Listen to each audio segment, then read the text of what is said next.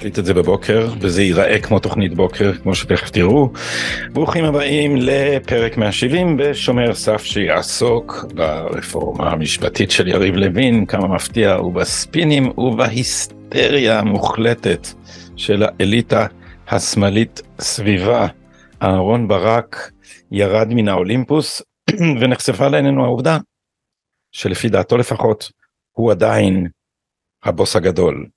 אה, אז אה, הוא עדיין מגיע לבניין בית המשפט באופן אה, סדיר ומושך בחוטים מאחורי הקלעים כפי שמי ששם לב לפרטים דקים או פחות דקים יודע כי אהרון ברק באופן פומבי הזהיר את היועץ המשפטי לממשלה הקודם אביחי מנדלבליט שיגיש כתבי אישום נגד נתניהו. אתם זוכרים שהוא אמר לו שהוא מצפה שהוא לא יבייש את שמגר ואותי באופן פומבי הוא אמר את זה.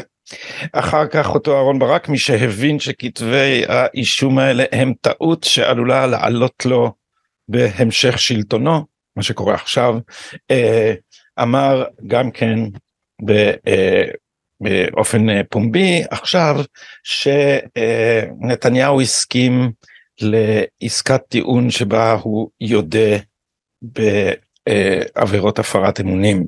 נתניהו הכחיש את זה מכל וכול, אבל ברור מה זה עושה הדבר הזה. אה, ברק רומז לשופטים שיש להרשיע את נתניהו בעבירה, בעבירת מרמה והפרת אמונים. ברק גם ניהל את המשא ומתן הזה. כשהוא הבין שצריך להגיע לעסקת טיעון שזה דבר מדהים כשלעצמו מה אתה עושה שם? ובכן, אה, הרבה היה מקופל באמירתו של אהרון ברק, אה, שחבל שלוין לא שאל אותי לפני מסיבת העיתונאים, כי בעולמו באמת צריך לשאול אותו. והסיבה שברק אה, בבליץ רעיונות עם אמירות מסיתות מדהימות, מעודדות מרי אזרחי, אמירות מופרכות כמו ש... שלוין הוא עבריין ושהמעשה הזה הוא לא חוקי, הוא לא חוקי, לפי איזה חוק הוא לא חוקי, אמ, אז אה, אפשר להבין את, ה, את ההיסטריה, כי אמ, החשש שמשפט נתניהו יביא בסופו של דבר לנפילת שלטונו עכשיו מתממש וכל האליטה כולה בהיסטריה היא בהיסטריה לא מפני שהיא מגינה על הדמוקרטיה מפני שהיא מגינה על הפריבילגיות שלה מפני שהיא מגינה על יכולתה לשלוט למרות שהיא מפסידה בבחירות באמצעות אה, בית המשפט העליון שהפך את עצמו לרשות על בישראל. לוין, הרפורמה של לוין לא עומדת לפגוע בדמוקרטיה, עומדת להחזיר את הדמוקרטיה, כלומר היא עומדת להחזיר את רצון הבוחרים למרכז הבמה, אה, אולי צריך לנסח את זה באופן יותר חד, היא מחזירה את הריבונות לבעליה החוקיים אחרי שבית המשפט אה, שם את עצמו מעל שתי הרשויות האחרות ובפועל בעצם לקח לעצמו את הריבונות. אז כדאי להתחיל מהעובדה הפשוטה שמשום מה נעדרת לגמרי מהדיון הציבורי שלנו שמתנהל בידי העיתונות שהיא זרוע התעמולה של האליטה השמאלית השלטת ההגמונית כמו שנהוג לומר אז העובדה הפשוטה והבולטת היא שבשום דמוקרטיה מתוקנת, בשום דמוקרטיה מתוקנת, אין בית משפט שיש לו כוח כמו שיש לבית המשפט הישראלי. כלומר, בית המשפט העליון בישראל אין שום גבול מוגדר חוקית לכוחו. שום גבול. אולי אני לא טועה בניסוח שאני אומר מוגדר חוקית. אין שום גבול מוגדר בדין, כי הדין הוא גם הפסיקה, ובית המשפט הרחיב את כוחו עד לאינפיניטום, עד לאין גבול, וזה קרה כאשר אסתר חיות הרחיבה את הביקורת השיפוטית שאהרון ברק המציא לבית המשפט כאשר המציא לישראל חוקה בדמות חוקי יסוד. אסתר חיות הרחיבה את הביקורת אל חוקי היסוד, זאת אומרת לממשלה לבית, לממשלה בפועל, לבית המשפט העליון יש סמכות לדון ב ואף לפסול גם חוקי יסוד, זה דבר מטורף, תארו לכם שבית המשפט האמריקאי היה אומר שהוא דן בחוקיות החוקה, על סמך מה הוא יכול לדון בחוקיות החוקה? הוא יכול לדון בחוקיותם של חוקים לאור החוקה. הוא לא יכול לדון בחוקיותה של החוקה, אז ובכן יש תיאוריה שעכשיו מנסים לקדם אותה באמצעים אה, דמגוגיים לא מעט שנקראת תיקון חוקתי שאינו חוקתי אה, אבל בפועל מה שבעצם הם אומרים לנו זה שיש עקרונות יסוד לשיטה. ועל סמך עקרונות היסוד של השיטה מותר לפסול גם חוקי יסוד.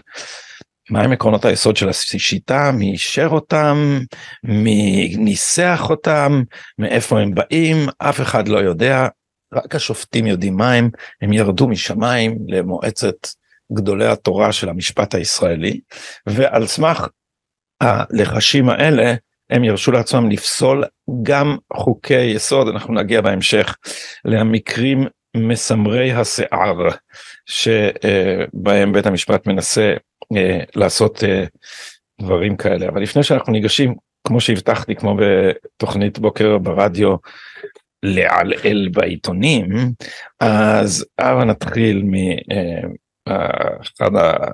אחד ה... אחת הסיסמאות הדמגוגיות המנסרות באוויר עכשיו, דרך קבע. אם לא תהיה ביקורת אה, שיפוטית על חוקים אומרים לנו הכנסת תוכל לעשות מה שהיא רוצה והיא תבטל את הבחירות ואז מי יעצור אותה. זה טיעון הג'ינג'ים נכון אם הכנסת תחליט לקטוע את היד לג'ינג'ים אם הכנסת תחליט אה, לא לתת לג'ינג'ים להצביע וכדומה אה, אז א' בהערת אגב הרפורמה של יריב לוין לא מבטלת את הביקורת השיפוטית. אמ, היא עושה, אה, היא מחזירה את הפרלמנט למקומו הבכיר והביקורת החזקה על הפרלמנט זה כמובן הבחירות אבל שואלים אותנו מה יהיה עכשיו אם הפרלמנט יחליט להנציח את עצמו ולבטל את הבחירות ואז לא יהיה שום מגבלה על הפרלמנט. ובכן אמ, אולי כדאי להזכיר אין שום סכנה שהפרלמנט יבטל את הבחירות זה לא היה מעולם באופק. מי שעמד לבטל את הבחירות זה בית המשפט העליון. בג"ץ עמד לבטל את תוצאות הבחירות ומכל מקום הכריז שיש לו הסמכות לעשות את זה אני אזכיר לכם אחרי הבחירות שהסיבוב אה, השלישי במרץ 2020 הוגשו עתירות נגד האפשרות שנתניהו הנאשם בפלילים ירכיב ממשלה למרות שהוא נאשם בפלילים. את העתירות האלה היה צריך לדחוק על הסף, לדחות על הסף מפני שבשנת 2001 הכנסת ברוב גדול 73 חברי כנסת אה, תיקנה את חוק יסוד הכנסת ו, אה, ושם אה, את חוק יסוד הממשלה ושם קבעה שראש אה, ממשלה יכול לכהן, לכהן למרות כתב אישום אה, עד הרשעה חלוטה בעבירה שיש עימה קלון. זאת אומרת, עד הרשעה באינסטנציה האחרונה אחרי ערעור, והיא עשתה את זה בתגובה תקדים שקבע אהרון ברק ב-1993 בעניינם של דרעי ופנחסי שמאלץ את הממשלה, מאלץ שר להתפטר אם מוגש נגדו כתב אישום. נבחרי הציבור נבהלו מזה כי זה אומר שהיועץ המשפטי לממשלה בעצם יכול לפטר שרים ומאחר שהתגנב לליבם החשש לא יודע מאיפה שאולי יש מצב שיתפרו למישהו תיק זאת אומרת שכתבי האישום לא יהיו מוצדקים ואז בעצם מה שזה אומר שהיועץ המשפטי לממשלה יכול לבטל את בחירת הציבור דבר שאינו מקובל באף דמוקרטיה כדי להדיח אה, נבחרי ציבור צריך הליך מאוד מאוד מורכב. אצלנו מסתפקים ביועץ משפטי ואחר כך בשופטים כלומר שופטים יכולים להדיח גם ראש ממשלה בארצות הברית שופטים לא יכולים להדיח נשיא צריך את ה... סנאט בשביל זה שמשמש כבית משפט אחרי שבית הנבחרים ברוב של שני שלישים החליט להגיש סליחה ברוב רגיל החליט להגיש נגדו אימפיצ'מנט uh, שזה המקבילה לכתב אישום במקרה של uh, נבחר ציבור או עובד ציבור ואז הסנאט צריך להרשיע אותו ברוב של שני שליש. אז אצלנו גם אחרי התיקון של החוק רק uh, uh, פקיד ושופטים עדיין יכולים להדיח אה, ראש ממשלה אחרי שהוא מורשע בעבירה חמורה. אז בג"ץ כשהוגשו עתירות נגד אה, האפשרות של נתניהו להקים ממשלה היה צריך לדחות אותן על הסף. הייתה פה איזו התחכמות ששמעתי אותה גם ממשה לדור שהתעמתתי איתו בערוץ 12 אז בפגוש את העיתונות אז עוד הייתי הולך לערוץ 12. אה, והפלפול היה שאומנם ראש הממשלה יכול להמשיך לכהן אבל הוא לא יכול להרכיב ממשלה. אה, עכשיו אני לא זוכר אם זה הפלפול של הדור אמר כי את הפלפול השני החצוף יותר הוא בטוח אמר אה, והפלפול השני החצוף יותר זה היה ספין בכל העיתונים הדבר הזה.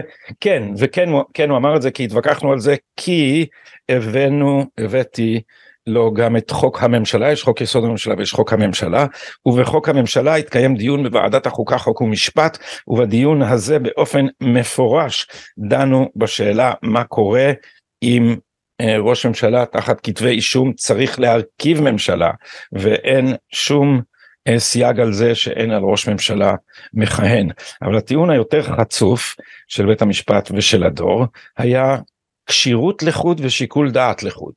זאת אומרת הם אומרים החוק קבע שראש ממשלה תחת כתב אישום כשיר לכהן אבל יש גם שיקול דעת וצריך לחשוב האם ראוי שהוא יכהן ומי יחליט אם ראוי שהוא יכהן ניחשתם נכון בית המשפט. כלומר בית המשפט הודיע שהוא יכול לפסול ראש ממשלה נבחר מלכהן על פי שיקול דעת לחוד. כלומר על פי שיקול דעתו ולמי שהדבר הזה לא היה מובן באופן מספיק מפורש אז בתקציר אה, אה, אה, הנימוקים להחלטתו בית המשפט אה, פרסם את הדברים הבאים ההחלטה של, זה פרפרזה אני עושה, ההחלטה של רוב מקרב חברי הכנסת להמליץ הנשיא על מועמד לראשות הממשלה, כתוב בתקציר או אומר התקציר, היא עניין ציטוט המצוי בלב ליבו של העדיף, ההליך הדמוקרטי. לכן התערבות חיצונית בהליך זה, יש בה משום פגיעה מהותית בעקרון הכרעת הרוב, העומד בבסיס שיטת המשטר שלנו. ומעובדה זו ממשיך בית המשפט ואומר, נגזר גם תקשיבו, היקפה המצומצם ביותר של הביקורת השיפוטית שניתן להפעיל לגביה, המוגבלת למצבים חריגים ונדירים ביותר, ולנסיבות קיצוניות בלבד, שהמקרה דנן אינו נמנה עימם. היה צריך להיות אימן. אז קראתם נכון, בג"ץ זרק עצם הבוחרים בזה שהוא התיר לרצונם להתממש בהקמת הממשלה, אבל הוא לא רק רמס את, אה, את, את חוק היסוד אה, והתנהג כאילו אה, הלכת דרעי פנחסי עדיין בתוקף, הוא תוך כדי זה אמר שהוא מתיר לעצמו פגיעה מהותית בעיקרון העומד בבסיס שיטת המשטר שלנו, כלומר בהכרעת הבוחר עצמה, אם כי, תנוח דעתכם, רק במקרים ציטוט חריגים ונדירים. אז גם אה, אה, את המקרים החריגים והנדירים, כלומר גם אה, את השאלה מה הם מקרים חריגים ונדירים, היא שאלה שבסמכותו של בג"ץ האחר. כלומר הוא יחליט מתי זה נדיר וחריג ומותר לו להתערב ולבטל את הבחירות. אז למה אתם מספרים לנו שהכנסת תבטל את הבחירות אם כבר יש רשות שהכריזה שיש לה סמכות לבטל את הבחירות. עכשיו הכנסת לא תבטל את הבחירות, אין לזה לא רק רוב, אין לזה עשר אצבעות, בכנסת זו דאגה תיאורטית לגמרי, אבל נניח שהתיאוריה נכונה, נניח שיש רוב של 61 חברי כנסת לבטל את הבחירות ואז יש uh, מאבק בבג"ץ ואז לא יודע מה, מתברר שבאופן עקבי הציבור מצביע למפלגות שרוצות לבטל את הבחירות. אז ביקורת שיפוטית יכולה לעכב את ההחלטה ב-61 כדי שאולי תחשבו עוד פעם כי היה פה אה, משהו לא הגיוני. אבל אם הציבור באופן עקבי רוצה לבטל את הדמוקרטיה, הדמוקרטיה תבוטל. כי דמוקרטיה זה לא דבר שאפשר לכפות מלמעלה. והפרחה המוחלטת שאהרון ברק ממשיך להפיץ אותה, שאם היה בבית המשפט בגרמניה של ויימאר, זכויות אדם קבועות בחוקה וביקורת שיפוטית, ונניח שופטים כמוהו, אז היטלר לא היה עולה לשלטון. אבל ברפובליקת ויימאר היו זכויות אדם, והייתה ביקורת שיפוטית, והשופטים תמכו בנאצים. אה, והכשירו את מה שהם עשו. תמכו אולי ניסוח חזק מדי, אבל נכנעו לרצונם ואישרו את המהלכים האנטי חוקתיים שלהם. הנאצים, בניגוד למה שאומרים לכם, זה לא נכון שאי פעם הם היו הרוב, זה לא נכון שהם עלו לשלטון בבחירות דמוקרטיות, כי אמנם הם עלו לשלטון מתוך הרכבת קואליציה, מתוך רייכסטאג שנבחר בבחירות דמוקרטיות באופן פורמלי, אבל בפועל היו ברחובות שלושה מיליון אנשי SA, אה, בריונים אלימים שפוצצו אספות בחירות של אה, מתחרים וזרעו אימה ופחד אה, בכל רחבי גרמניה לפני הבחירות, שלושה מיליון אנשי SA זה פי שלושים מגודלו של הרייכסוור, הצבא הגרמני שהוגבל למאה אלף איש בהסכם ורסאי. אז אה, כמו שאמר השופט האמריקאי learn the hand, אם החירות מתה בלבבות אין שום בית משפט חוקתי שיוכל להציל אותה. אה, מה קורה כשהחירות מתה בבית המשפט והוא אה, גוזל אותה מהאזרחים? אנחנו רואים עכשיו. בסופו של דבר האזרחים מתקוממים ודורשים להחזיר לידיהם את, ה, אה, את הריבונות שנגזלה מהם. אז עכשיו הבה נפנה לכל הספינים כי זה פשוט זה מדהים מה שקורה בעיתונות איזה מקהלה אחידה של שקרנות ובורות אין לי שום שום דרך אחרת לתאר את זה זה פשוט אתה קורא את זה בתדהמה הם לא יודעים כלום ומה שהם יודעים הם לא מגלים לכם. זה זה ממש זה פשוט אה, זה פשוט אה, דבר מדהים. אז אולי אולי אה, לשם הדגמה נתחיל מדבריו בעיתון הארץ של פרופסור פרופסור יצחק זמיר לשעבר היועץ המשפטי לממשלה סיים את כהונתו באופן לא מזהיר אחרי פרשת קו 300 לאחר כך, לא רק שהוא פרופסור באוניברסיטה ויועץ משפטי לממשלה, הוא גם אחר כך היה שופט בעליון, שכתב מאמר בהארץ שאין לי אלא לכנות אותו תימהוני. Uh, המאמר, בואו אני אראה לכם אותו על המרקע. המאמר נקרא בין דמוקרטיה פרלמנטרית לשלטון יחיד. Uh, ועורכי המדור נמנעו מלהשתמש בביטוי החדשני שיצחק זמיר המציא פה אה, וכשהוא טען שלנו יש דמוקרטיה קואליציונית לא פרלמנטרית. מה זה אומר דמוקרטיה קואליציונית? ובכן ראשית בתור מי שלפרנסתו אה, מלמד סטודנטים בפילוסופיה פוליטית, אה, ככל שאני יודע, המושג הזה איננו מופיע בשום תיאוריה פוליטית מוכרת, דמוקרטיה קואליציונית, כי דמוקרטיות פרלמנטריות הן קואליציוניות, הן עובדות על ידי זה שיש קואליציה בפרלמנט, ככה זה עובד, אבל לדעתו של זמיר, הדמוקרטיה הפרלמנטרית שלנו היא לא פרלמנטרית, היא קואליציונית, כיוון ש... היא נשלטת בידי קואליציה. Hmm. אבל הוא אומר, בקואליציה יש משמעת קואליציונית, זאת אומרת שהקואליציה נשלטת בידי הממשלה. עכשיו, לראש הממשלה יש סמכות לפטר שרים, כלומר הממשלה נשלטת בידי ראש הממשלה.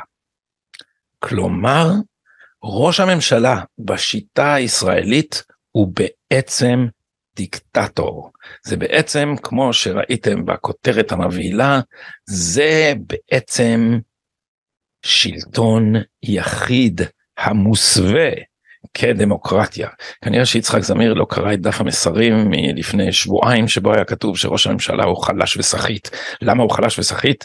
כי יש קואליציה, כי אנחנו דמוקרטיה פרלמנטרית, וכי בדמוקרטיה פרלמנטרית אחת הבעיות היא שראש הממשלה תלוי בקואליציה. עכשיו, למה חשוב להתעכב על מאמרו המגוחך ברמות אחרות של כבוד השופט העליון לשעבר זמיר? זה תשמעו זה אני צריך להשתחרר מזה שהשופטים הם איזה אנשים אה, משכילים. יש להם השכלה במשפטים הם פלשו למדעי המדינה עשו משפטיזציה של הפוליטיקה ועכשיו בתוך כל מיני מושגים מופרכים אנחנו שומעים את אהרון ברק אומר שהממשלה היא לא נבחרת. מה פתאום? הכנסת נבחרת הממשלה ממונה על ידי הכנסת אז אנחנו לא בחרנו את הממשלה. ובציבור בכלל יש חצי חצי אז כל מיני דברים שהם אה, פשוט בלתי נתפסים על ידי שופטים. אז צריך להשתחרר מהעניין הזה שהשופטים שלנו יודעים איזה דברים שבמושג אה, עטופים במושגים משפטיים מסובכים שאותם בני תמותה אה, לא יודעים. אז מה שהם עושים פה זה לסלף את הטיעונים אודות הדמוקרטיה. והטיעון הזה בו זמיר מנסה לספק תימוכין לספין הכי דומיננטי כרגע לגבי הרפורמה של יריב לוין, אני קראתי את זה הבוקר אצל אה, יניב אה, רוזנאי, אחד האידיאולוגים של, ה, אה, של ההפיכה המשפטית של ברק. אה, קראתי את זה בעיתונים וראיתי את אמנון אברמוביץ' אומר את זה שנייה אחרי שיריב לוין גמר לדבר במסיבת העיתונאים בכנסת שבה הוא הציג את הרפורמה. הספין הזה אומר אצלנו הממשלה שולטת בכנסת ולכן אין הפרדת רשויות אז עכשיו יבטלו את uh, הסמכות של בית המשפט להכפיף את הכנסת והממשלה באופן לא דמוקרטי לעצמו יבטלו את זה אז אז הרשות המאוחדת הזאת ממשלה כנסת היא תהיה כל יכולה. Hmm. Hmm. אה, קודם כל בזה שהכנסת תהיה כל יכולה אין שום הצדקה לזה שבית המשפט יהיה כל יכול. כי אם צריך שתהיה רשות אחת כל יכולה עדיף שהיא תהיה זאת שהציבור בוחר אותה ולא זאת שממנה את עצמה פחות או יותר או יש לה וטו על מינוי חבריה ולא הציבור בחר אותה אלא היא אה, מבטאת את רצונו כפי שניסח זאת באופן כל כך בהיר. אהרון ברק מבטאת את רצונו של הציבור הנאור. כלומר הבה נודה שולטת בשם השמאל כנגד רצון הציבור ובניגוד לרצון הציבור. אז אמנון אברמוביץ' מיד בא עם הספין הזה וגם הוא כנראה שכח את דף המסרים. והאמת היא ש...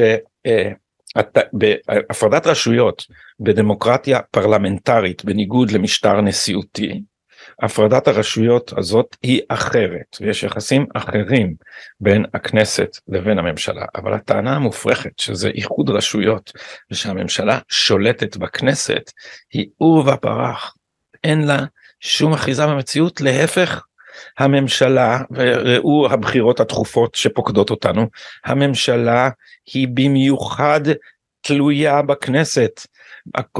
זה, זה הקונגרס האמריקאי לא יכול להדיח נשיא, הכנסת יכולה להדיח ממשלה, והיא אכן עושה זאת לעיתים מאוד קרובות. למעשה יש מערכת מאוד סבוכה של בלמים ואיזונים, יש לה אפשר להציע לה שיפורים, אני הייתי שמח אם בכנסת היו ועדות שיש להם סמכות לקרוא לפקידים אה, להעיד בפניהם בשבועה ולהפוך את זה לעבירה פלילית לשקר להם כי אנחנו ראינו למשל את מעלליו של שי ניצן בפני ועדות של הכנסת אנחנו ראינו את רוני אלשיך פשוט מצפצף ולא מגיע לוועדת הפנים אחרי שהוזמן על ידי יושב הראש אז אה, דודי אמסלם. אז יש כל מיני דברים שאפשר לשפר אבל הכנסת יכולה להפיל את הממשלה לפעמים סיעה אחת לעיתים קרובות סיעה אחת יכולה להפיל את הממשלה ולפעמים חבר כנסת אחד יכול להפיל את הממשלה נכון עידית? אז הרעיון שאצלנו יש רק רשות אחת כי הממשלה שולטת בכנסת הוא קשקוש אצלנו הרשות הדומיננטית במקור לפני שבית המשפט השתלט על המערכת כולה הרשות הדומיננטית היא הפרלמנט וכך ראוי כי הוא זה שנבחר ישירות ומבטא את ריבונות העם ואת כל, הד... כל שלל הדעות הרווחות בציבור הוא הרשות הדומיננטית ומה הבלם והאיזון כנגדו אומרים אין גבול לכוחו ובלה בלה בלה. הבלם הכי חשוב כנגד כוחו זה כמובן הבחירות. הציבור שופט את הכנסת פעם בארבע שנים באופן אידיאלי הרבה יותר אה, באופן מעשי כפי שקורה במציאות. אז המאמר הזה של זמיר הוא מדע בדיוני. אבל זמיר לא הסתפק במאמר אחד, הוא אה, כתב עוד מאמר שנקרא לא פחות התוכנית להרס, הרס מערכת המשפט וגם זה כמו שאתם יודעים אחד הספינים שנעשו נהוגים. אני לא אעבור פה עכשיו על שלל אה, אה, אה, פרחות אלא אה, אפנה לכמה עניינים מרכזיים. ראשית, אה, הוא אה, אה, טוען שיריב לוין משקר לנו. לא נעים לומר לאדם שהוא אינו אומר אמת. ובכן, לא נעים לומר ליועץ משפטי לממשלה ולשופט עליון לשעבר ולפובליציסט ולפרופסור כמו יצחק זמיר, שהוא לא הקפיד מספיק על האמת כי הוא היה יחד עם אהרון ברק אה, אחד האנשים המרכזיים בהשתלטות היועץ המשפטי לממשלה על הממשלה. רק בישראל בשום דמוקרטיה אחרת אין דבר כזה, אין פקיד שמרכז בידו כל כך הרבה כוח, למעשה אין גם נבחר ציבור שמרכז בידיו כל כך הרבה כוח, מאחר שמה שהם עשו, הם הכריזו שהיועץ המשפטי לממשלה עצתו מחייבת את הממשלה, כלומר הוא נמצא מעל הממשלה ולא רק זאת, הוא גם יכול להגיש נגד חבריה כתבי אישום, מחזיק ביד השנייה את השוט הפלילי, הוא בעצם הבוס של הממשלה בפועל, ולא אנשי ימין אמרו זאת, שלמה אבינרי שלא נחשד בימניות מעולם, כתב פעם מאמר בארץ נדמה לי ב-2009 שנקרא די לריכוזיות ובמאמר הזה פרופסור אבינרי אומר שאין אח ורע ליועץ המשפטי בכל העולם הדמוקרטי אין איש שמרכז בידיו כל כך הרבה כוח גם לא נשיא צרפת וגם לא נשיא ארצות הברית גם לא הלורד צ'אנסלר אה, לפני הרפורמה באנגליה. אף אחד בשום מדינה דמוקרטית אין לו כל כך הרבה כוח. ולמה איך הם אה, איך הם קידמו את הרעיון הזה? ובכן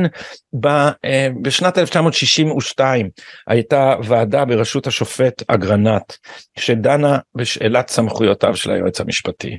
והוועדה הזאת קבעה בין השאר שהיועץ המשפטי עצתו היא אכן עצה והיא איננה מחייבת. היועץ המשפטי דאז אה, גדעון האוזנר היה גם התובע במשפט אה, אייכמן הציג את הדברים מהממשלה ואמר קטונתי לא עלה בדעתי שעצותיי מחייבות את הממשלה הרי הממשלה היא הריבון ולא אני וכדומה. אבל זמיר בשלהי כהונתו כיועץ משפטי לממשלה לאחר פרשת קו 300 ב-1986 הציג את דוח ועדת אגרנט באופן מטעה שאחר כך התקבע בפסק דין של אהרון ברק ב-1993 וכך שני החבר'ה לך האלה אנשים רמי מעלה ונשואי פנים סילפו בעצם את הדוח של אגרנט וקבעו שעצתו של היועץ המשפטי מחייבת את הממשלה ולא רק זאת יש לו גם מונופול על הייצוג וכאשר הוא לא כאשר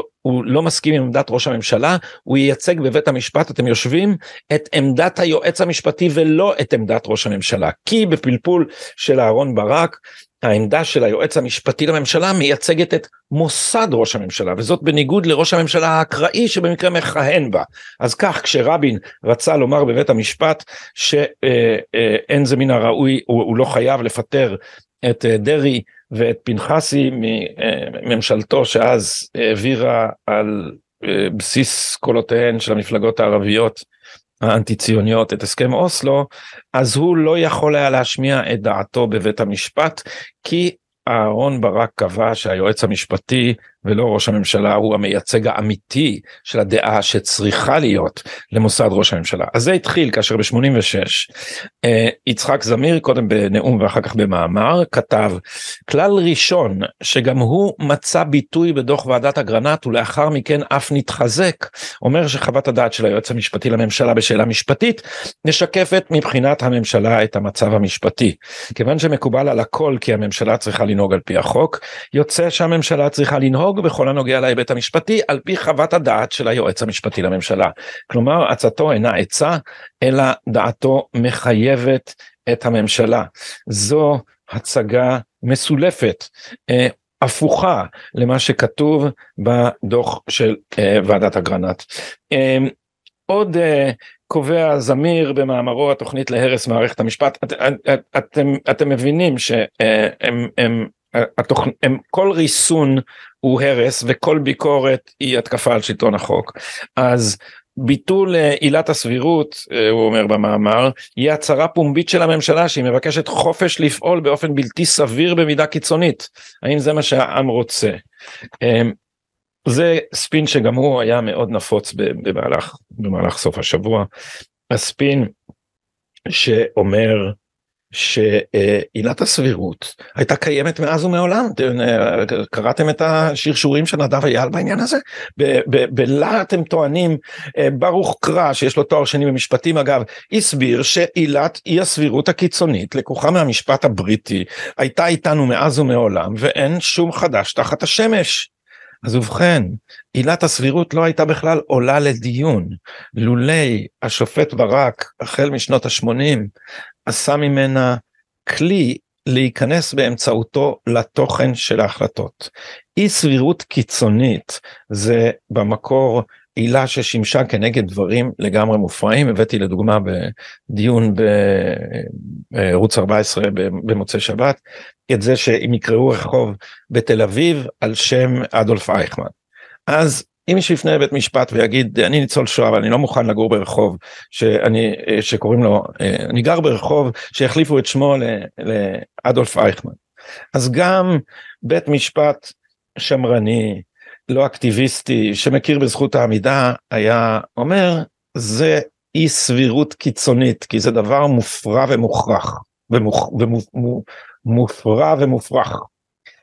אה, אבל מה שעשה ברק החל מפסק דין אה, דפי זהב בעילת הסבירות זה שהשופט מתחיל להתערב לא רק בחוקיותה של החלטה אלא גם בשאלה אם היא נראית לא נכונה. כי הפסקנו לדבר על אי סבירות קיצונית והתחלנו לדבר על מתחם הסבירות ואז התחילו להשתמש בו על כל דבר כשלמישהו לא נראה בחירה של אה, ממלא מקום פרקליט המדינה אז אומרים שזה חורג ממתחם הסבירות. מה זה אומר בפועל אה, נגיד שיש נגיד שיש אה, שני מתחרים במכרז על תפקיד החשב הכללי של עיריית חולון, בסדר? יש שני מתחרים במכרז, שניהם הגישו אה, קורות חיים, שניהם עמדו בכל הדרישות של המכרז, ואחד מהם הפסיד. זה שהפסיד פונה לבג"ץ, הוא מגיש עתירה שלפי אה, דעתו הוא היה צריך לזכות. באופן תקין בית משפט בודק את חוקיות ההליך ואם ההחלטה שקיבלו בעלי הסמכות המתאימה בעיריית חולון היא חוקית, אז זה סוף פסוק. ברגע שהוא מתחיל לשאול אם היא סבירה, מה הוא שואל בעצם? הוא שואל, האם היה צריך לבחור בזה או בזה? איזו בחירה היא יותר טובה? זאת אומרת שבית המשפט שם עצמו כמי ששוקל את כל השיקולים האחרים של כל הגורמים המקצועיים, ואז אנחנו ראינו מה קורה עם זה כשהוא שוקל שיקולים צבאיים, והוא שוקל שיקולים מדיניים, והוא שוקל שיקולים כלכליים, והוא uh, שוקל שיקולים אידיאולוגיים. אז התוצאות של הדברים האלה הן מטורפות בהשלכותיהן.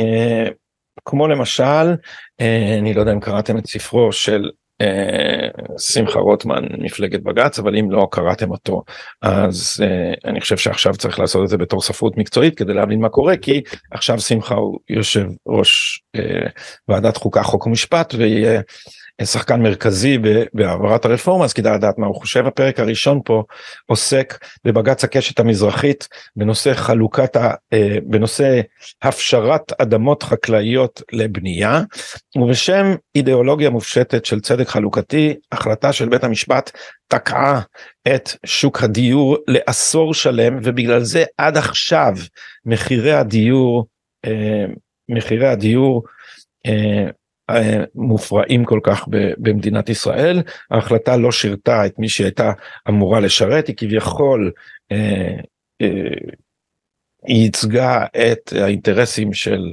הפריפריה ושל אה, עיירות הפיתוח כנגד אלה של המושבים והקיבוצים בפועל לא אלה הרוויחו ולא אלה וכולנו ושניהם הפסדנו אה, הרבה מאוד. זאת משום שבג"ץ התערב במדיניות כלכלית, דבר שהוא היה צריך אה, לא לעשות אותו, אבל מכיוון שהוא מתערב בתוכן והוא יודע להחליט מה סביר ולא רק מה חוקי, אה, אז אנחנו מגיעים לאבסורדים אה, כאלה, אני שם פה כוכבית, כי לא חזרתי לבדוק את עילת הפסילה ואכן אם זאת הייתה אה, סבירות במקרה הזה אז אה, נשים את השאלה הזאת בסוגריים ונתקל אחר כך במקרים אחרים שבהם סבירות ומידתיות אה, היו הדברים המכריעים כגון בפסק הדין המהמם קצר וקולע 250 עמודים או משהו כזה 300 עמודים כמעט בג"ץ פינוי פיצוי שבא בשם המידתיות הוכרע גורלם של uh, מתיישבי uh, חבל קטיף. Um, נחום ברנע המטשטש הלאומי uh, פוצח במאמר uh, ששמו השנון מה יש לך? מר לוין. אני פעם ממש אהבתי לקרוא את ברנע כי יש לו תמיד אמירות שנונות ופאנצ' ליינס ובדיחות עד שאתה שם לב שזה טור פט, פטפטת מטשטש שבעצם תמיד אומר גם את זה וגם את זה וגם את זה ובסוף יוצא עם מה?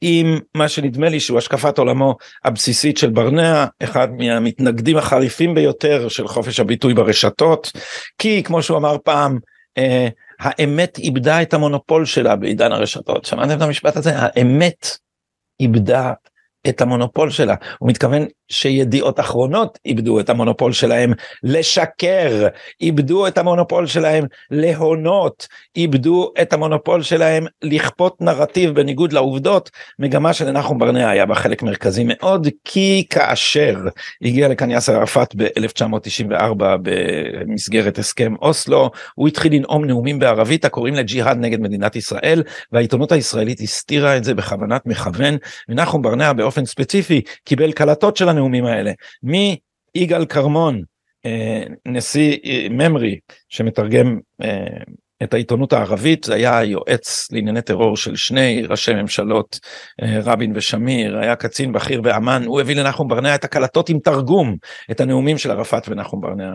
סירב לפרסם אותה. אז מה כותב לנו נחום ברנע? זה בדרך כלל אצל נחום ברנע זה בסוף נהיה הכל אישי. אז כי, כי זה המנטליות היא, היא אה, בעצם זה מדור רכילות אה, של פוליטיקאים. זה לא באמת אה, ניתוח של האירועים הפוליטיים. אבל למרבה התדהמה נחום ברנע מודה התקלות במערכת המשפטית תק, התקלות במערכת המשפטית היו ויש. הפרקליטות חטאה ביוהרה, בסירוב ביקש להקשיב לביקורת, בעינויי דין, בהנחות למקורבים, לפעמים גם ברשעות וברדיפה אחר הרשעה בכל מחיר. בג"ץ נהג לא פעם באדנות כלפי הממשלה והכנסת, באדנות. הוא ידע לרסן אחרים, אבל התקשה לרסן את עצמו. מורשת אהרן ברק הציבה את בית המשפט העליון מעל הרשות המחוקקת והמבצעת. מה אתה אומר, מר ברנע? אתה אומר פה שבית המשפט ביטל את הדמוקרטיה, אז למה אתה נגד הרפורמה? לא רק נגד הרפורמה, אתה נגד הרפורמה היא מטאפורה מהדהדת. כפי שכתבתי כאן בעבר, לוין והקואליציה שמאחוריו לא רוצים לשפוך את מי האמבטיה, הם רוצים לשפוך את התינוק. הם רוצים מערכת משפט מסורסת כנועה שתהפוך אותנו לדיקטטורה נוסח פולין, קלריקלית, אנטי ליברלית ומושחתת, באמת. אבל כבר הפכו אותנו לדיקטטורה של משפטנים, אתה בעצמך כתבת. אתה בעצמך כתבת שבית המשפט העליון הציב את עצמו מעל הרשות המחוקקת והמבצעת. באיזה דמוקרטיה ביקום מר ברנע? אתה מכיר דבר כזה שבית משפט משתלט לחלוטין על הדמוקרטיה. עכשיו אנחנו מגיעים למר נדב אייל. גודי טו שוז, ילד טוב ירושלים של האליטה, נדב אייל מנהל קמפיין מטורף מטורף להחתמת אה, בכירי ההייטקיסטים, בכירי הזה, ההוא, הטייסים, הזה, הוא מעודד אותם מהמדור שלו לשלוח מכתבים. למה? למה? כי בעולמו של אה, נדב אייל, שהוא עולמם של הניידים, שהוא עולמה של האליטה השמאלית, מה שבאמת מסוכן לדמוקרטיה זה האזרחים. האזרחים זה מה שמסוכן לדמוקרטיה ולכן צריך לגייס את אלה שבאמת יש לדעתם משקל ומשמעות. אז כמובן שצריך להגן על הוא קורא לזה המבצר. נתניהו ולוין שופ... נתניהו ולוין שואפים למוטט את המבצר ויהי מה? המבצר. אז כמובן שהמבצר הוא המקום שבו נמצאים האנשים הנכונים. ולכן ראוי שהם יחליטו. כמו שאמר לי פעם מישהו באיזה כנס אה, אקדמי שם לי יד על הכתף, כבר ציטטתי את זה הרבה פעמים, אמר לי, אבל טאו, מה אתה רוצה? מי אתה רוצה שיחליט? בניש או אפללו, מה נסגר איתך, מה אתה לא מבין? אז זאת המנטליות, למרות שזה לא משהו שנדב אייל אמר אה, בעצמו, אבל זה מה שנמצא מאחורי זה שהוא אה, מעודד את, אה, את אה, כל אה, האנשים הנכונים, האנשים הטובים, אלה שדעתם צריכה להיחשב. אה, לשלוח uh, מכתבים ולכתוב על עצומות. בינתיים עוד לעודד אותם למרי אזרחי ככל שאני יודע. אבל נדב אייל מתקומם נגד uh, זה שברוב מינימלי כל קואליציה ישראלית של 61 ח"כים תוכל לפסול uh, החלטות של uh, בית המשפט. האם נדב אייל שכח שחוק יסוד כבוד האדם וחירותו התקבל ברוב של 32 נגד 21 בפרלמנט שהוא יותר מחצי ריק האם הוא יודע שחוק היסוד השני במהפכה השיפוטית התקבל ברוב של 23 כנגד 0 בפחות מרבע מחברי הפרלמנט והוא שימש למהפכה חוקתית שלמה שאותה ל-61 חברי כנסת אסור כמובן לבטל. בחלק המקומם ביותר לוין העז להתעלות בסנדקו מנחם בגין. הוא יודע היטב שראש הממשלה הראשון מטעם התנועה הלאומית הליברלית קידש את מערכת המשפט. לא מדובר היה רק באהבת הדין. בגין שימש באופוזיציה שנים רבות. הוא חווה את מנגנון את, את המנגנון המפאיניקי שהושתת על רוב גדול. ובכן האם אנחנו יכולים לומר אם כן שבעצם נדב אייל שותף לרצונה של האליטה להנציח את המנגנון המפאיניקי אבל בלי רוב באמצעות בית המשפט. אמ, ולפסקה המרגשת ביותר בכל העניין הזה תכף אקרא לכם את משפט הסיכום שלו על הוויכוח על הוויכוח הדמוקרטי שהוא לצנינים בעיניו. עניין מדהים הממשלה החדשה עולה לשלטון וטוענת כי בתי המשפט עומדים בדרכה. אך אין לה אף רפורמה אמיתית, לא בדיור, בתחבורה, ביהודה ושומרון, שבג"ץ מאיים לפסול. למעשה אין לה בעיה פרקטית עם מערכת המשפט. מאידך גיסא יש לה שתי בעיות פרסונליות. הראשונה היא שראש הממשלה נתניהו מתמודד עם שונים חמורים בשחיתות ואם יורשע עשוי להיגזר עליו עונש מאסר. העניין השני הוא אריה דרעי שהתקדימים שקבע בית המשפט בעבר אמורים למנוע ממנו לכהן כשר גם כיום. ובכן בסוף הכל פרסונלי זאת אומרת האנשים האלה מסתירים מהדיון ש... אה, אה, שיש לצד שלנו טענות רציניות. הצד שלנו יש לו טענות רציניות כנגד חמיסת הדמוקרטיה בידי מיעוט שופטים ששולט על מינוי חבריהם באמצעות וטו בוועדה למינוי שופטים. אז כל הרצון שלנו בדמוקרטיה הוא הם ממשיכים ואומרים כל הזמן בעצם אנחנו רוצים להציל את נתניהו ואת דרעי. יש לי חדשות בשבילך מר אייל אנחנו בכלל לא רוצים להציל את נתניהו מהמשפט אנחנו רוצים שהמשפט יימשך אנחנו רוצים שהמשפט הזה יחשוף את מה שאנחנו חושבים שבאמת קרה כאן שזה ניסיון הפיכה. הרפורמה הזאת לא תחלץ את נתניהו במשפט בשום צורה אין בה שום דבר שיכול בינתיים לבטל אה, משפט אני מאוד מקווה שעילת הסבירות לא תבוטל עד אחרי שיובטח שמשפט נתניהו יימשך כי יש דיבורים בינתיים בגל הראשון בסיבוב הראשון של הרפורמה זה לא קורה. לעניין אריה דרעי תשמעו אריה דרעי נאשם בעבירות טכניות גררו אותם שבע שנים כדי שאריה דרעי לא יצביע על רפורמה במערכת המשפט חלילה, זאת הסיבה האמיתית שגררו אותם. ואחרי שהרשיעו אותו בחוצפה שלא תיאמן, נתנו לו מאסר על תנאי על עבירה טכנית, ואומרים בכל מקום שהוא נאשם שוב ושוב בשוחד. אריה דרעי הורשע בשוחד מזמן, עם קלון, שבע שנים לא יכול היה לחזור לזירה הציבורית, לא חזר לזירה הציבורית. מה בית המשפט עושה, והנה חזרנו לעילת הסבירות. בית המשפט רוצה לומר שזה לא סביר שאריה דרעי יכהן כשר בממשלת נתניהו. זאת אומרת, זה חוקי, אבל בית המשפט מרשה לעצמו להחליט גם מחוץ לגדר החוק. גם כשמשהו הוא חוקי, שיקול דעת, בית המשפט יגיד לנו שהוא בכל זאת לא מסכים לזה. למה הוא לא מסכים לזה? מפני שלפי דעתו הוא השלטון. משום שלפי דעתו בידיו מסורה זכות ההכרעה האחרונה. עכשיו תשמעו אין להם טיעונים, אין להם טיעונים. אני קורא את כל העיתונים האלה, עברתי בשבת על גיא רולניק, על קרמניצר, על זה אין להם טיעונים, יש להם רק סיסמאות, הם לא מתמודדים בכלל עם הדברים הכי חשובים, עם, עם הנקודות הכי אה, אה, חזקות שלנו, בכלל לא מתמודדים, פשוט בורחים לכל מיני דברים, שלטון שחיתות, פרסונלי, בלה בלה בלה בלה בלה היא רשות אחת, היא לא, הם לא, כאילו שום דבר, כלום, אנחנו במשחק הזה אנחנו בעולם הרעיונות אנחנו מול שער ריק. בעולם התקשורת הם מחזיקים בכל התותחים והמקהלה האחידה הזאת אשכרה מבלבלת אנשים. אנשים אומרים טוב אם כולם אומרים לא יכול להיות שמיליון אה, זבובים טועים אה, מיליארד זבובים טועים מיליארד סינים טועים. אה, אז ב, ב, כשהוא עובר לדיון הבא במדור שלו שהוא נקרא הסדק בחומה נדב אייל כותב ככה, הרחק ממסיבת העיתונאים החלולה של לוין, אפשר לקיים דיון אמיתי על משילות. בחייאת רבאק, אתם לא מקיימים שום דיון על משילות כבר המון זמן, כי יש פה, כפי שאמרתי, עובדות יסוד. מי מכם יכול לנמק בבקשה למה זה הגיוני שבישראל יהיה סידור שאין בשום מדינה דמוקרטית, סוגריים, כי הוא לא דמוקרטי, שבו אה, קומץ שופטים מחזיקים בידם את זכות ההכרעה האחרונה בכל עניין ללא שום הגבלה, כלומר את הריבונות עצמה, וגם מטילים וטו על מינוי חבריהם. איפה נשמע כדבר הזה ולמה אין לכם היושרה המינימלית כדי להתמודד עם העובדה הפשוטה והזועקת הזאת.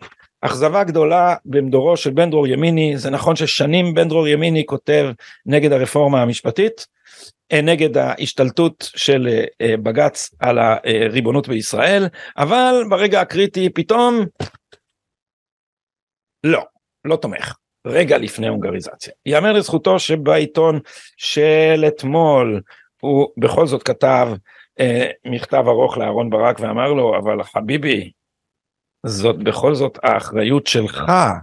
זה בכל זאת אתה נהגת כבריון, אתה עשית פה הפיכה שיפוטית שאיננה נסמכת על רצון הציבור, אתה כופפת את ידיהם של נבחרי ציבור והמלכת עלינו את השופטים, אז למה אתה עכשיו נזעק כאילו אה, האשמה היא רק באחרים ולך אין שום אחריות למצב הזה.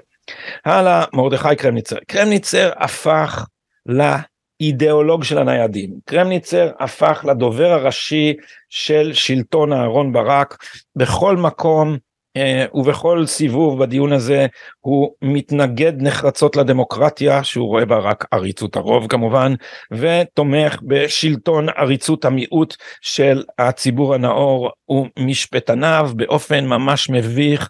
בטלוויזיה הוא רק לא מזמן אמר שאין מדינה שבה הפוליטיקאים בוחרים את שופטי העליון הוא אשכרה אמר את זה.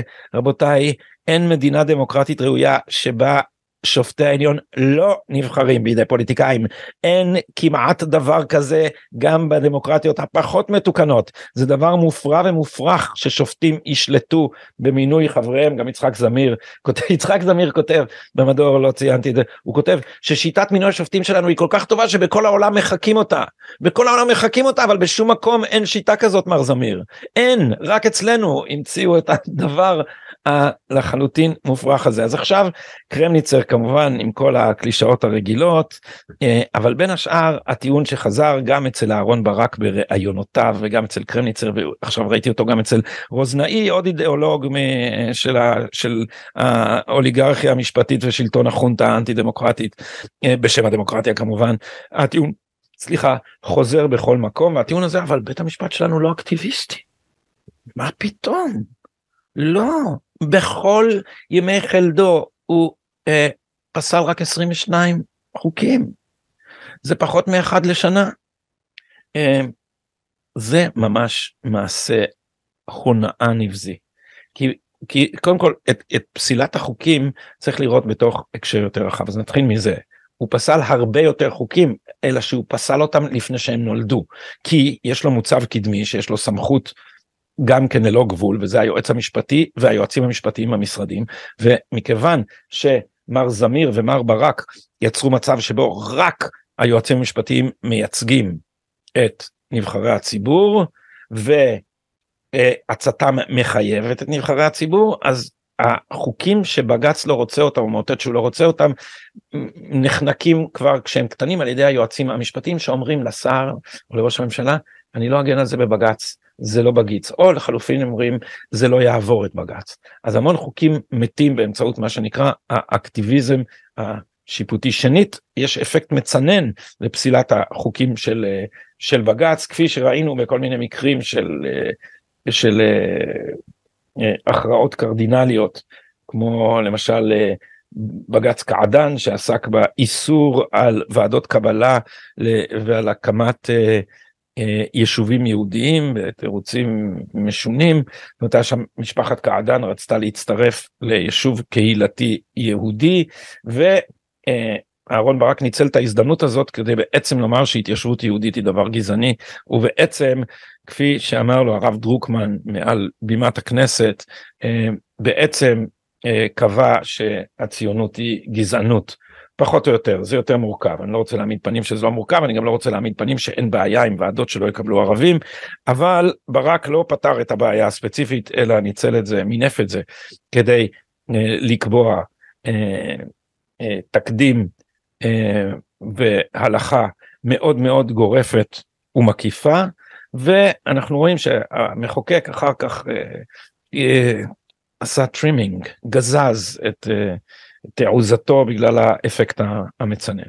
אבל חוץ מזה שבאמצעות היועצים המשפטיים הם אה, יכולים לפסול חוקים לפני היוולדם יש להם גם כל מיני אמצעים אחרים כגון צווי ביניים שגם להם יש אפקט מצנן ככה למשל יירטו את המדיניות של ממשלת אולמרט להחזיר מסתננים לצד השני של הגדר זה היה נקרא אז אה, החזרה חמה בג"ץ לא ביטל את זה בג"ץ רק הוציא צו ביניים ואולמרט הבין את הרמז ונסוג מזה אה, בעצמו.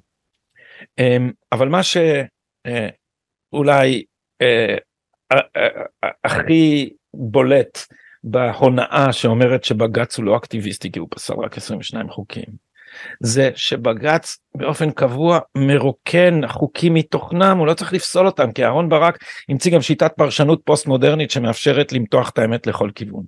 אז הנה יש אה, חוק אה, יסוד הכנסת. בחוק יסוד הכנסת יש סעיף שאוסר על מפלגות אה, לרוץ אם לא אה, מקבלות את יהודית ודמוקרטית כלומר הן מתנגדות או, באופן אקטיבי ליהודית ודמוקרטית או אם הן אה, יש בהן הסתה לגזענות או אם הן תומכות בטרור. ובל"ד אה, לא רק תמכה בטרור עזמי בשארה שיתף פעולה עם החיזבאללה היה הולך לנאום בדמשק, אה, מחא כפיים לחיזבאללה כשהם אה, גירשו את ישראל מלבנון, ואהרון ברק הצליח בתעלולים אה, משפטיים מופרכים לגמרי של פרשנות, לומר שבעצם אין פה מסה קריטית שתוכיח שבל"ד הם ככה וככה. גם לזה היה אפקט מצנן, אחת מהוועדות, מהוועדות הבחירות אחר כך כבר אישרה את בל"ד רוב הזמן ועדות הבחירות פוסלות את בל"ד ותמיד בית המשפט מחזיר אותה. זאת אומרת יש חוק מפורש נגד דברים כאלה אבל בג"ץ לא מבטל אותו אבל באמצעות הפרשנות הוא מכניס את בל"ד לכנסת. עכשיו זה לא דבר קטן זה בדברים המרכזיים ביותר בית המשפט מנהל לנו את החיים. כלומר אנחנו מדינת ישראל הדמוקרטיה הישראלית לא יכולה להגן על עצמה מפני מהרסיה מפני שבג"ץ הכשיר אותם והכניס אותם לכנסת ו- ועושה את זה בניגוד לרצון הציבור בניגוד לחוק יסוד בניגוד לוועדת הבחירות המרכזית כי הוא השליט העליון. Uh, גיא רולניק uh, מהאנשים הבולטים מהעיתונאים הבולטים ביותר בעיתונות העברית מה הוא כותב המהירות העצומה שבה נוחתים עלינו הצעדים, היוזמות והמסרים, הזבל והרעש האינסופי שלהם נחשפים הבוחרים ומקבלי ההחלטות ברשתות החברתיות, תהליך ההתקרנפות והשחיתות של ערוצי התקשורת המרכזיים והשסעים שהעמיקו בחברה הישראלית, כולם חברו יחדיו כדי להעלים מהציבור את מה שמתרחש כאן בחודש האחרון ובימים האחרונים ביתר שאת, כנופיה אלימה, צינית, תאבת כוח וכסף פועלת בעצה אחת כדי לפרק את המוסדות הדמוקרטיים ולכונן בישראל משטר אוטוקרטי אה, אה, אוטוקרטי יותר ומושחת יותר שישרת את כל החזקים העשירים והמקורבים וידרוס את כל השאר. כך גיא רולניק מכנה את החזרת הפתק של הבוחר של האדם הפשוט למעמדו משכבר הימים למעמדו הראוי בדמוקרטיה כדי שיוכל להביע את רצונו כי כמובן ההמונים הם המסוכנים והרפורמה של יריב לוין היא משום מה בדמיונו הפורה של גיא רולניק אה, ביטוי לרצונה של איזה אליטה כוחנית ומושחתת באמת. ואני לתומי חשבתי שאנחנו נתונים עכשיו לשלטונה של אליטה לא לגמרי ישרה שאין שום בקרה דמוקרטית על גחמותיה. אז אה, כך זה משתקף בעיתוני אה, סוף השבוע. עכשיו אמ, אנחנו יכולים גם בקצרה לעבור על עוד כמה טענות מופרכות שמוצגות לנו בדיון הציבורי בקצרה ולסיום. אה, למשל, בישראל אין חוקה אומרים לנו ולכן דרוש בית משפט חזק שיכול לרסן את הרשות המחוקקת. ההפך הגמור כשאין חוקה לבית משפט אין סמכות לבטל חוקים ואין לו כלים חוקיים לבטל חוקים. לאנגליה אין חוקה ובית המשפט שלה אכן אינו יכול לפסול חוקים והיא דמוקרטיה מפוארת. אבל תשימו לב גם שההפיכה של אהרן ברק נסמכה על הטענה של ישראל דווקא יש חוקה. אז תחליטו מה אתם אומרים שיש חוקה או שאין חוקה. עכשיו המדהים הוא שהרפורמה של יריב לוין דווקא מאשרת את דעתו של ברק ומתייחסת לחוקי היסוד כאילו הם היו חוקה בפועל שכן שימו לב שלראשונה בתולדות הפוליטיקה הישראלית הרפורמה הזאת מכירה בסמכות של בית המשפט לפסול חוקים על בסיס חוקי יסוד.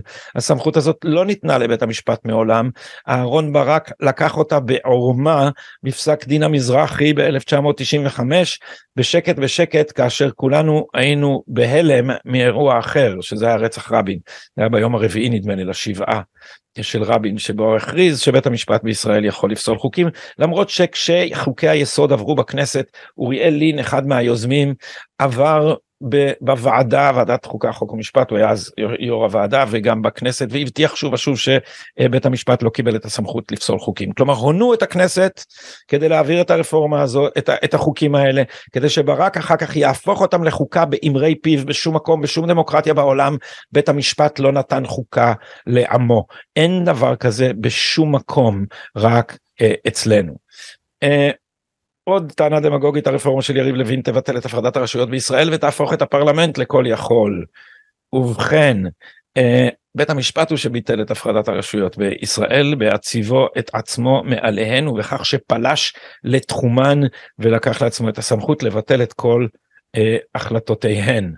הכנסת אה, אינה כל יכולה מפני שבניגוד לבית המשפט היא כפופה לבוחר פעם בארבע שנים יתרה מזאת יש בה אה, של יריב לוין איזון בין הרשויות. הרפורמה של, יבין, של לוין תשליט עלינו את עריצות הרוב. Mm. חסידי בית המשפט האימפריאליסטי שלנו כנראה סבורים שהתרופה לעריצות הרוב היא, היא עריצות המיעוט. התיאוריה שמצדיקה את העליונות המוחלטת של גוף לא נבחר על נבחרי הציבור אה, מודאגת תמיד מעריצות הרוב אבל אין בה שום כבוד לרצון הרוב אז אה, אה, בדמוקרטיה רצון הרוב הוא דבר מאוד חשוב רצון האזרחים בכלל הוא מה שקובע. אה, עוד אה, אמירה דמגוגית היא דמוקרטיה אינה שלטון דמוקרטיה אינה שלטון הרוב או בגרסה המרוככת דמוקרטיה אינה רק שלטון הרוב. ובכן אה, זאת, זאת אה, אה, אף אחד לא טוען שדמוקרטיה היא רק שלטון הרוב, אבל דמוקרטיה היא ריבונות האזרחים, ולכן הרעיון שכדי למנוע את עריצות הרוב צריך להכפיף אותו לרצונם של אנשים שאינם נבחרים הוא רעיון אנטי דמוקרטי בעליל. עכשיו אלה שטוענים את זה בדרך כלל מבלבלים בין בין דמוקרטיה לבין ליברליזם. דמוקרטיה ליברלית מורכבת משניהם. יש בה את הבחירות שהם בליבת הדמוקרטיה כמובן הם לא רק הפרוצדורה של הדמוקרטיה כפי שטוען אה, אהרן ברק ויש את הזכויות הליברליות כגון הזכות לחירות חופש הביטוי הזכות להתאגדות הזכות להליך הוגן וזכויות אחרות שיש להגן עליהם וברור שאם מבטלים את הזכויות האלה הדמוקרטיה איננה ממשיכה להתקיים גם אם יש בחירות. כפי שאמרתי אם רוב הציבור לא רוצה את הדמוקרטיה אז אז לא תהיה דמוקרטיה. אבל מה שחשוב להבין בהקשר הזה שאחת הזכויות הכי חשובות של האזרח בדמוקרטיה ליברלית היא הזכות לבחור ולהיבחר. היא הזכות לקבוע את המשטר שתחתיו הוא יחיה. ולכן כל הדיון הזה על מהות הדמוקרטיה מסתיר את הדבר העיקרי שדמוקרטיה היא תמיד ובכל מקרה ממשל בהסכמת הנמשלים. זהו עקרון היסוד שלה. הממשל ששואב את הצדקתו, את סמכותו, מהסכמתם של אלה שהוא מושל בהם. דמגוגיה הבאה, הרפורמה של יריב לוין אה, לא תאפשר לבית המשפט להגן על זכויות אדם. ובכן, אה, בית המשפט שלנו לא מצטיין בהגנה על זכויות אדם, הוא גם לא מצטיין בהגנה על זכויות מיעוט מפני אותו שלטון הרוב. הוא מצטיין בהגנה על מיעוטים מסוימים, ערבים בניגוד ליהודים, אה, חילונים בניגוד לדתיים, אה, אזרחים בניגוד למסתננים בניגוד לאזרחים וכדומה אבל יש קבוצות שהוא ממש לא מגן על הזכויות שלהם. הרבה פעמים זה החרדים אבל באופן הכי בולט הוא לגמרי צפצף על הזכויות של המתנחלים אה, בגוש קטיף כולל הזכות הליברלית להפגין, כולל החירות, כאשר אה, מערכת המשפט הישראלית אישרה אישורים סיטונאיים למעצרים קבוצתיים, כולל לילד, לילדות בנות 14, על כך שהשתתפו במחאה חוקית.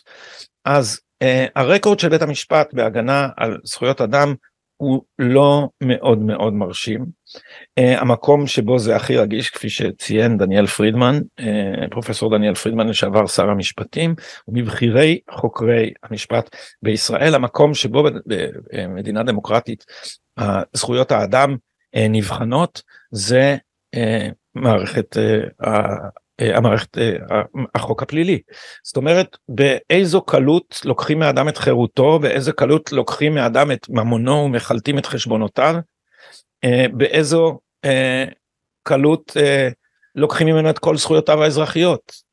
אז ובכן בישראל בקלות רבה ביותר. מדיניות המעצרים שלנו היא מופרעת שיעורי ההרשעה שלנו הם מטורפים על הפרקליטות שלנו אין שום ביקורת ומערכת בתי המשפט היא פשוט חותמת גומי של האנשים האלה. היא זאת שמאשרת את המדיניות המופרעת והמופרכת הזאת שרומסת זכויות אדם. כל אחד יודע את זה בישראל אין חזקת חפות. אם אתה עומד מול הפרקליטות אין לך כמעט שום סיכוי בעולם. ומערכת המשפט היא זו ש...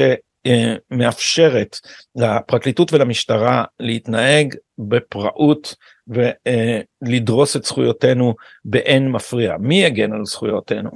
ובכן, הכנסת. החוק בישראל הוא דווקא מאוד הומני וליברלי ותובע הגנה על זכויות ומגביל את אורכן של חקירות למשל שאי אפשר לחקור אדם במשך שש וחצי שנים כמו שעושים לדרעי אבל פרקליטות צפצפת על זה בית המשפט מאשר לה וכך אנחנו אה, ממשיכים אה, להתנהל.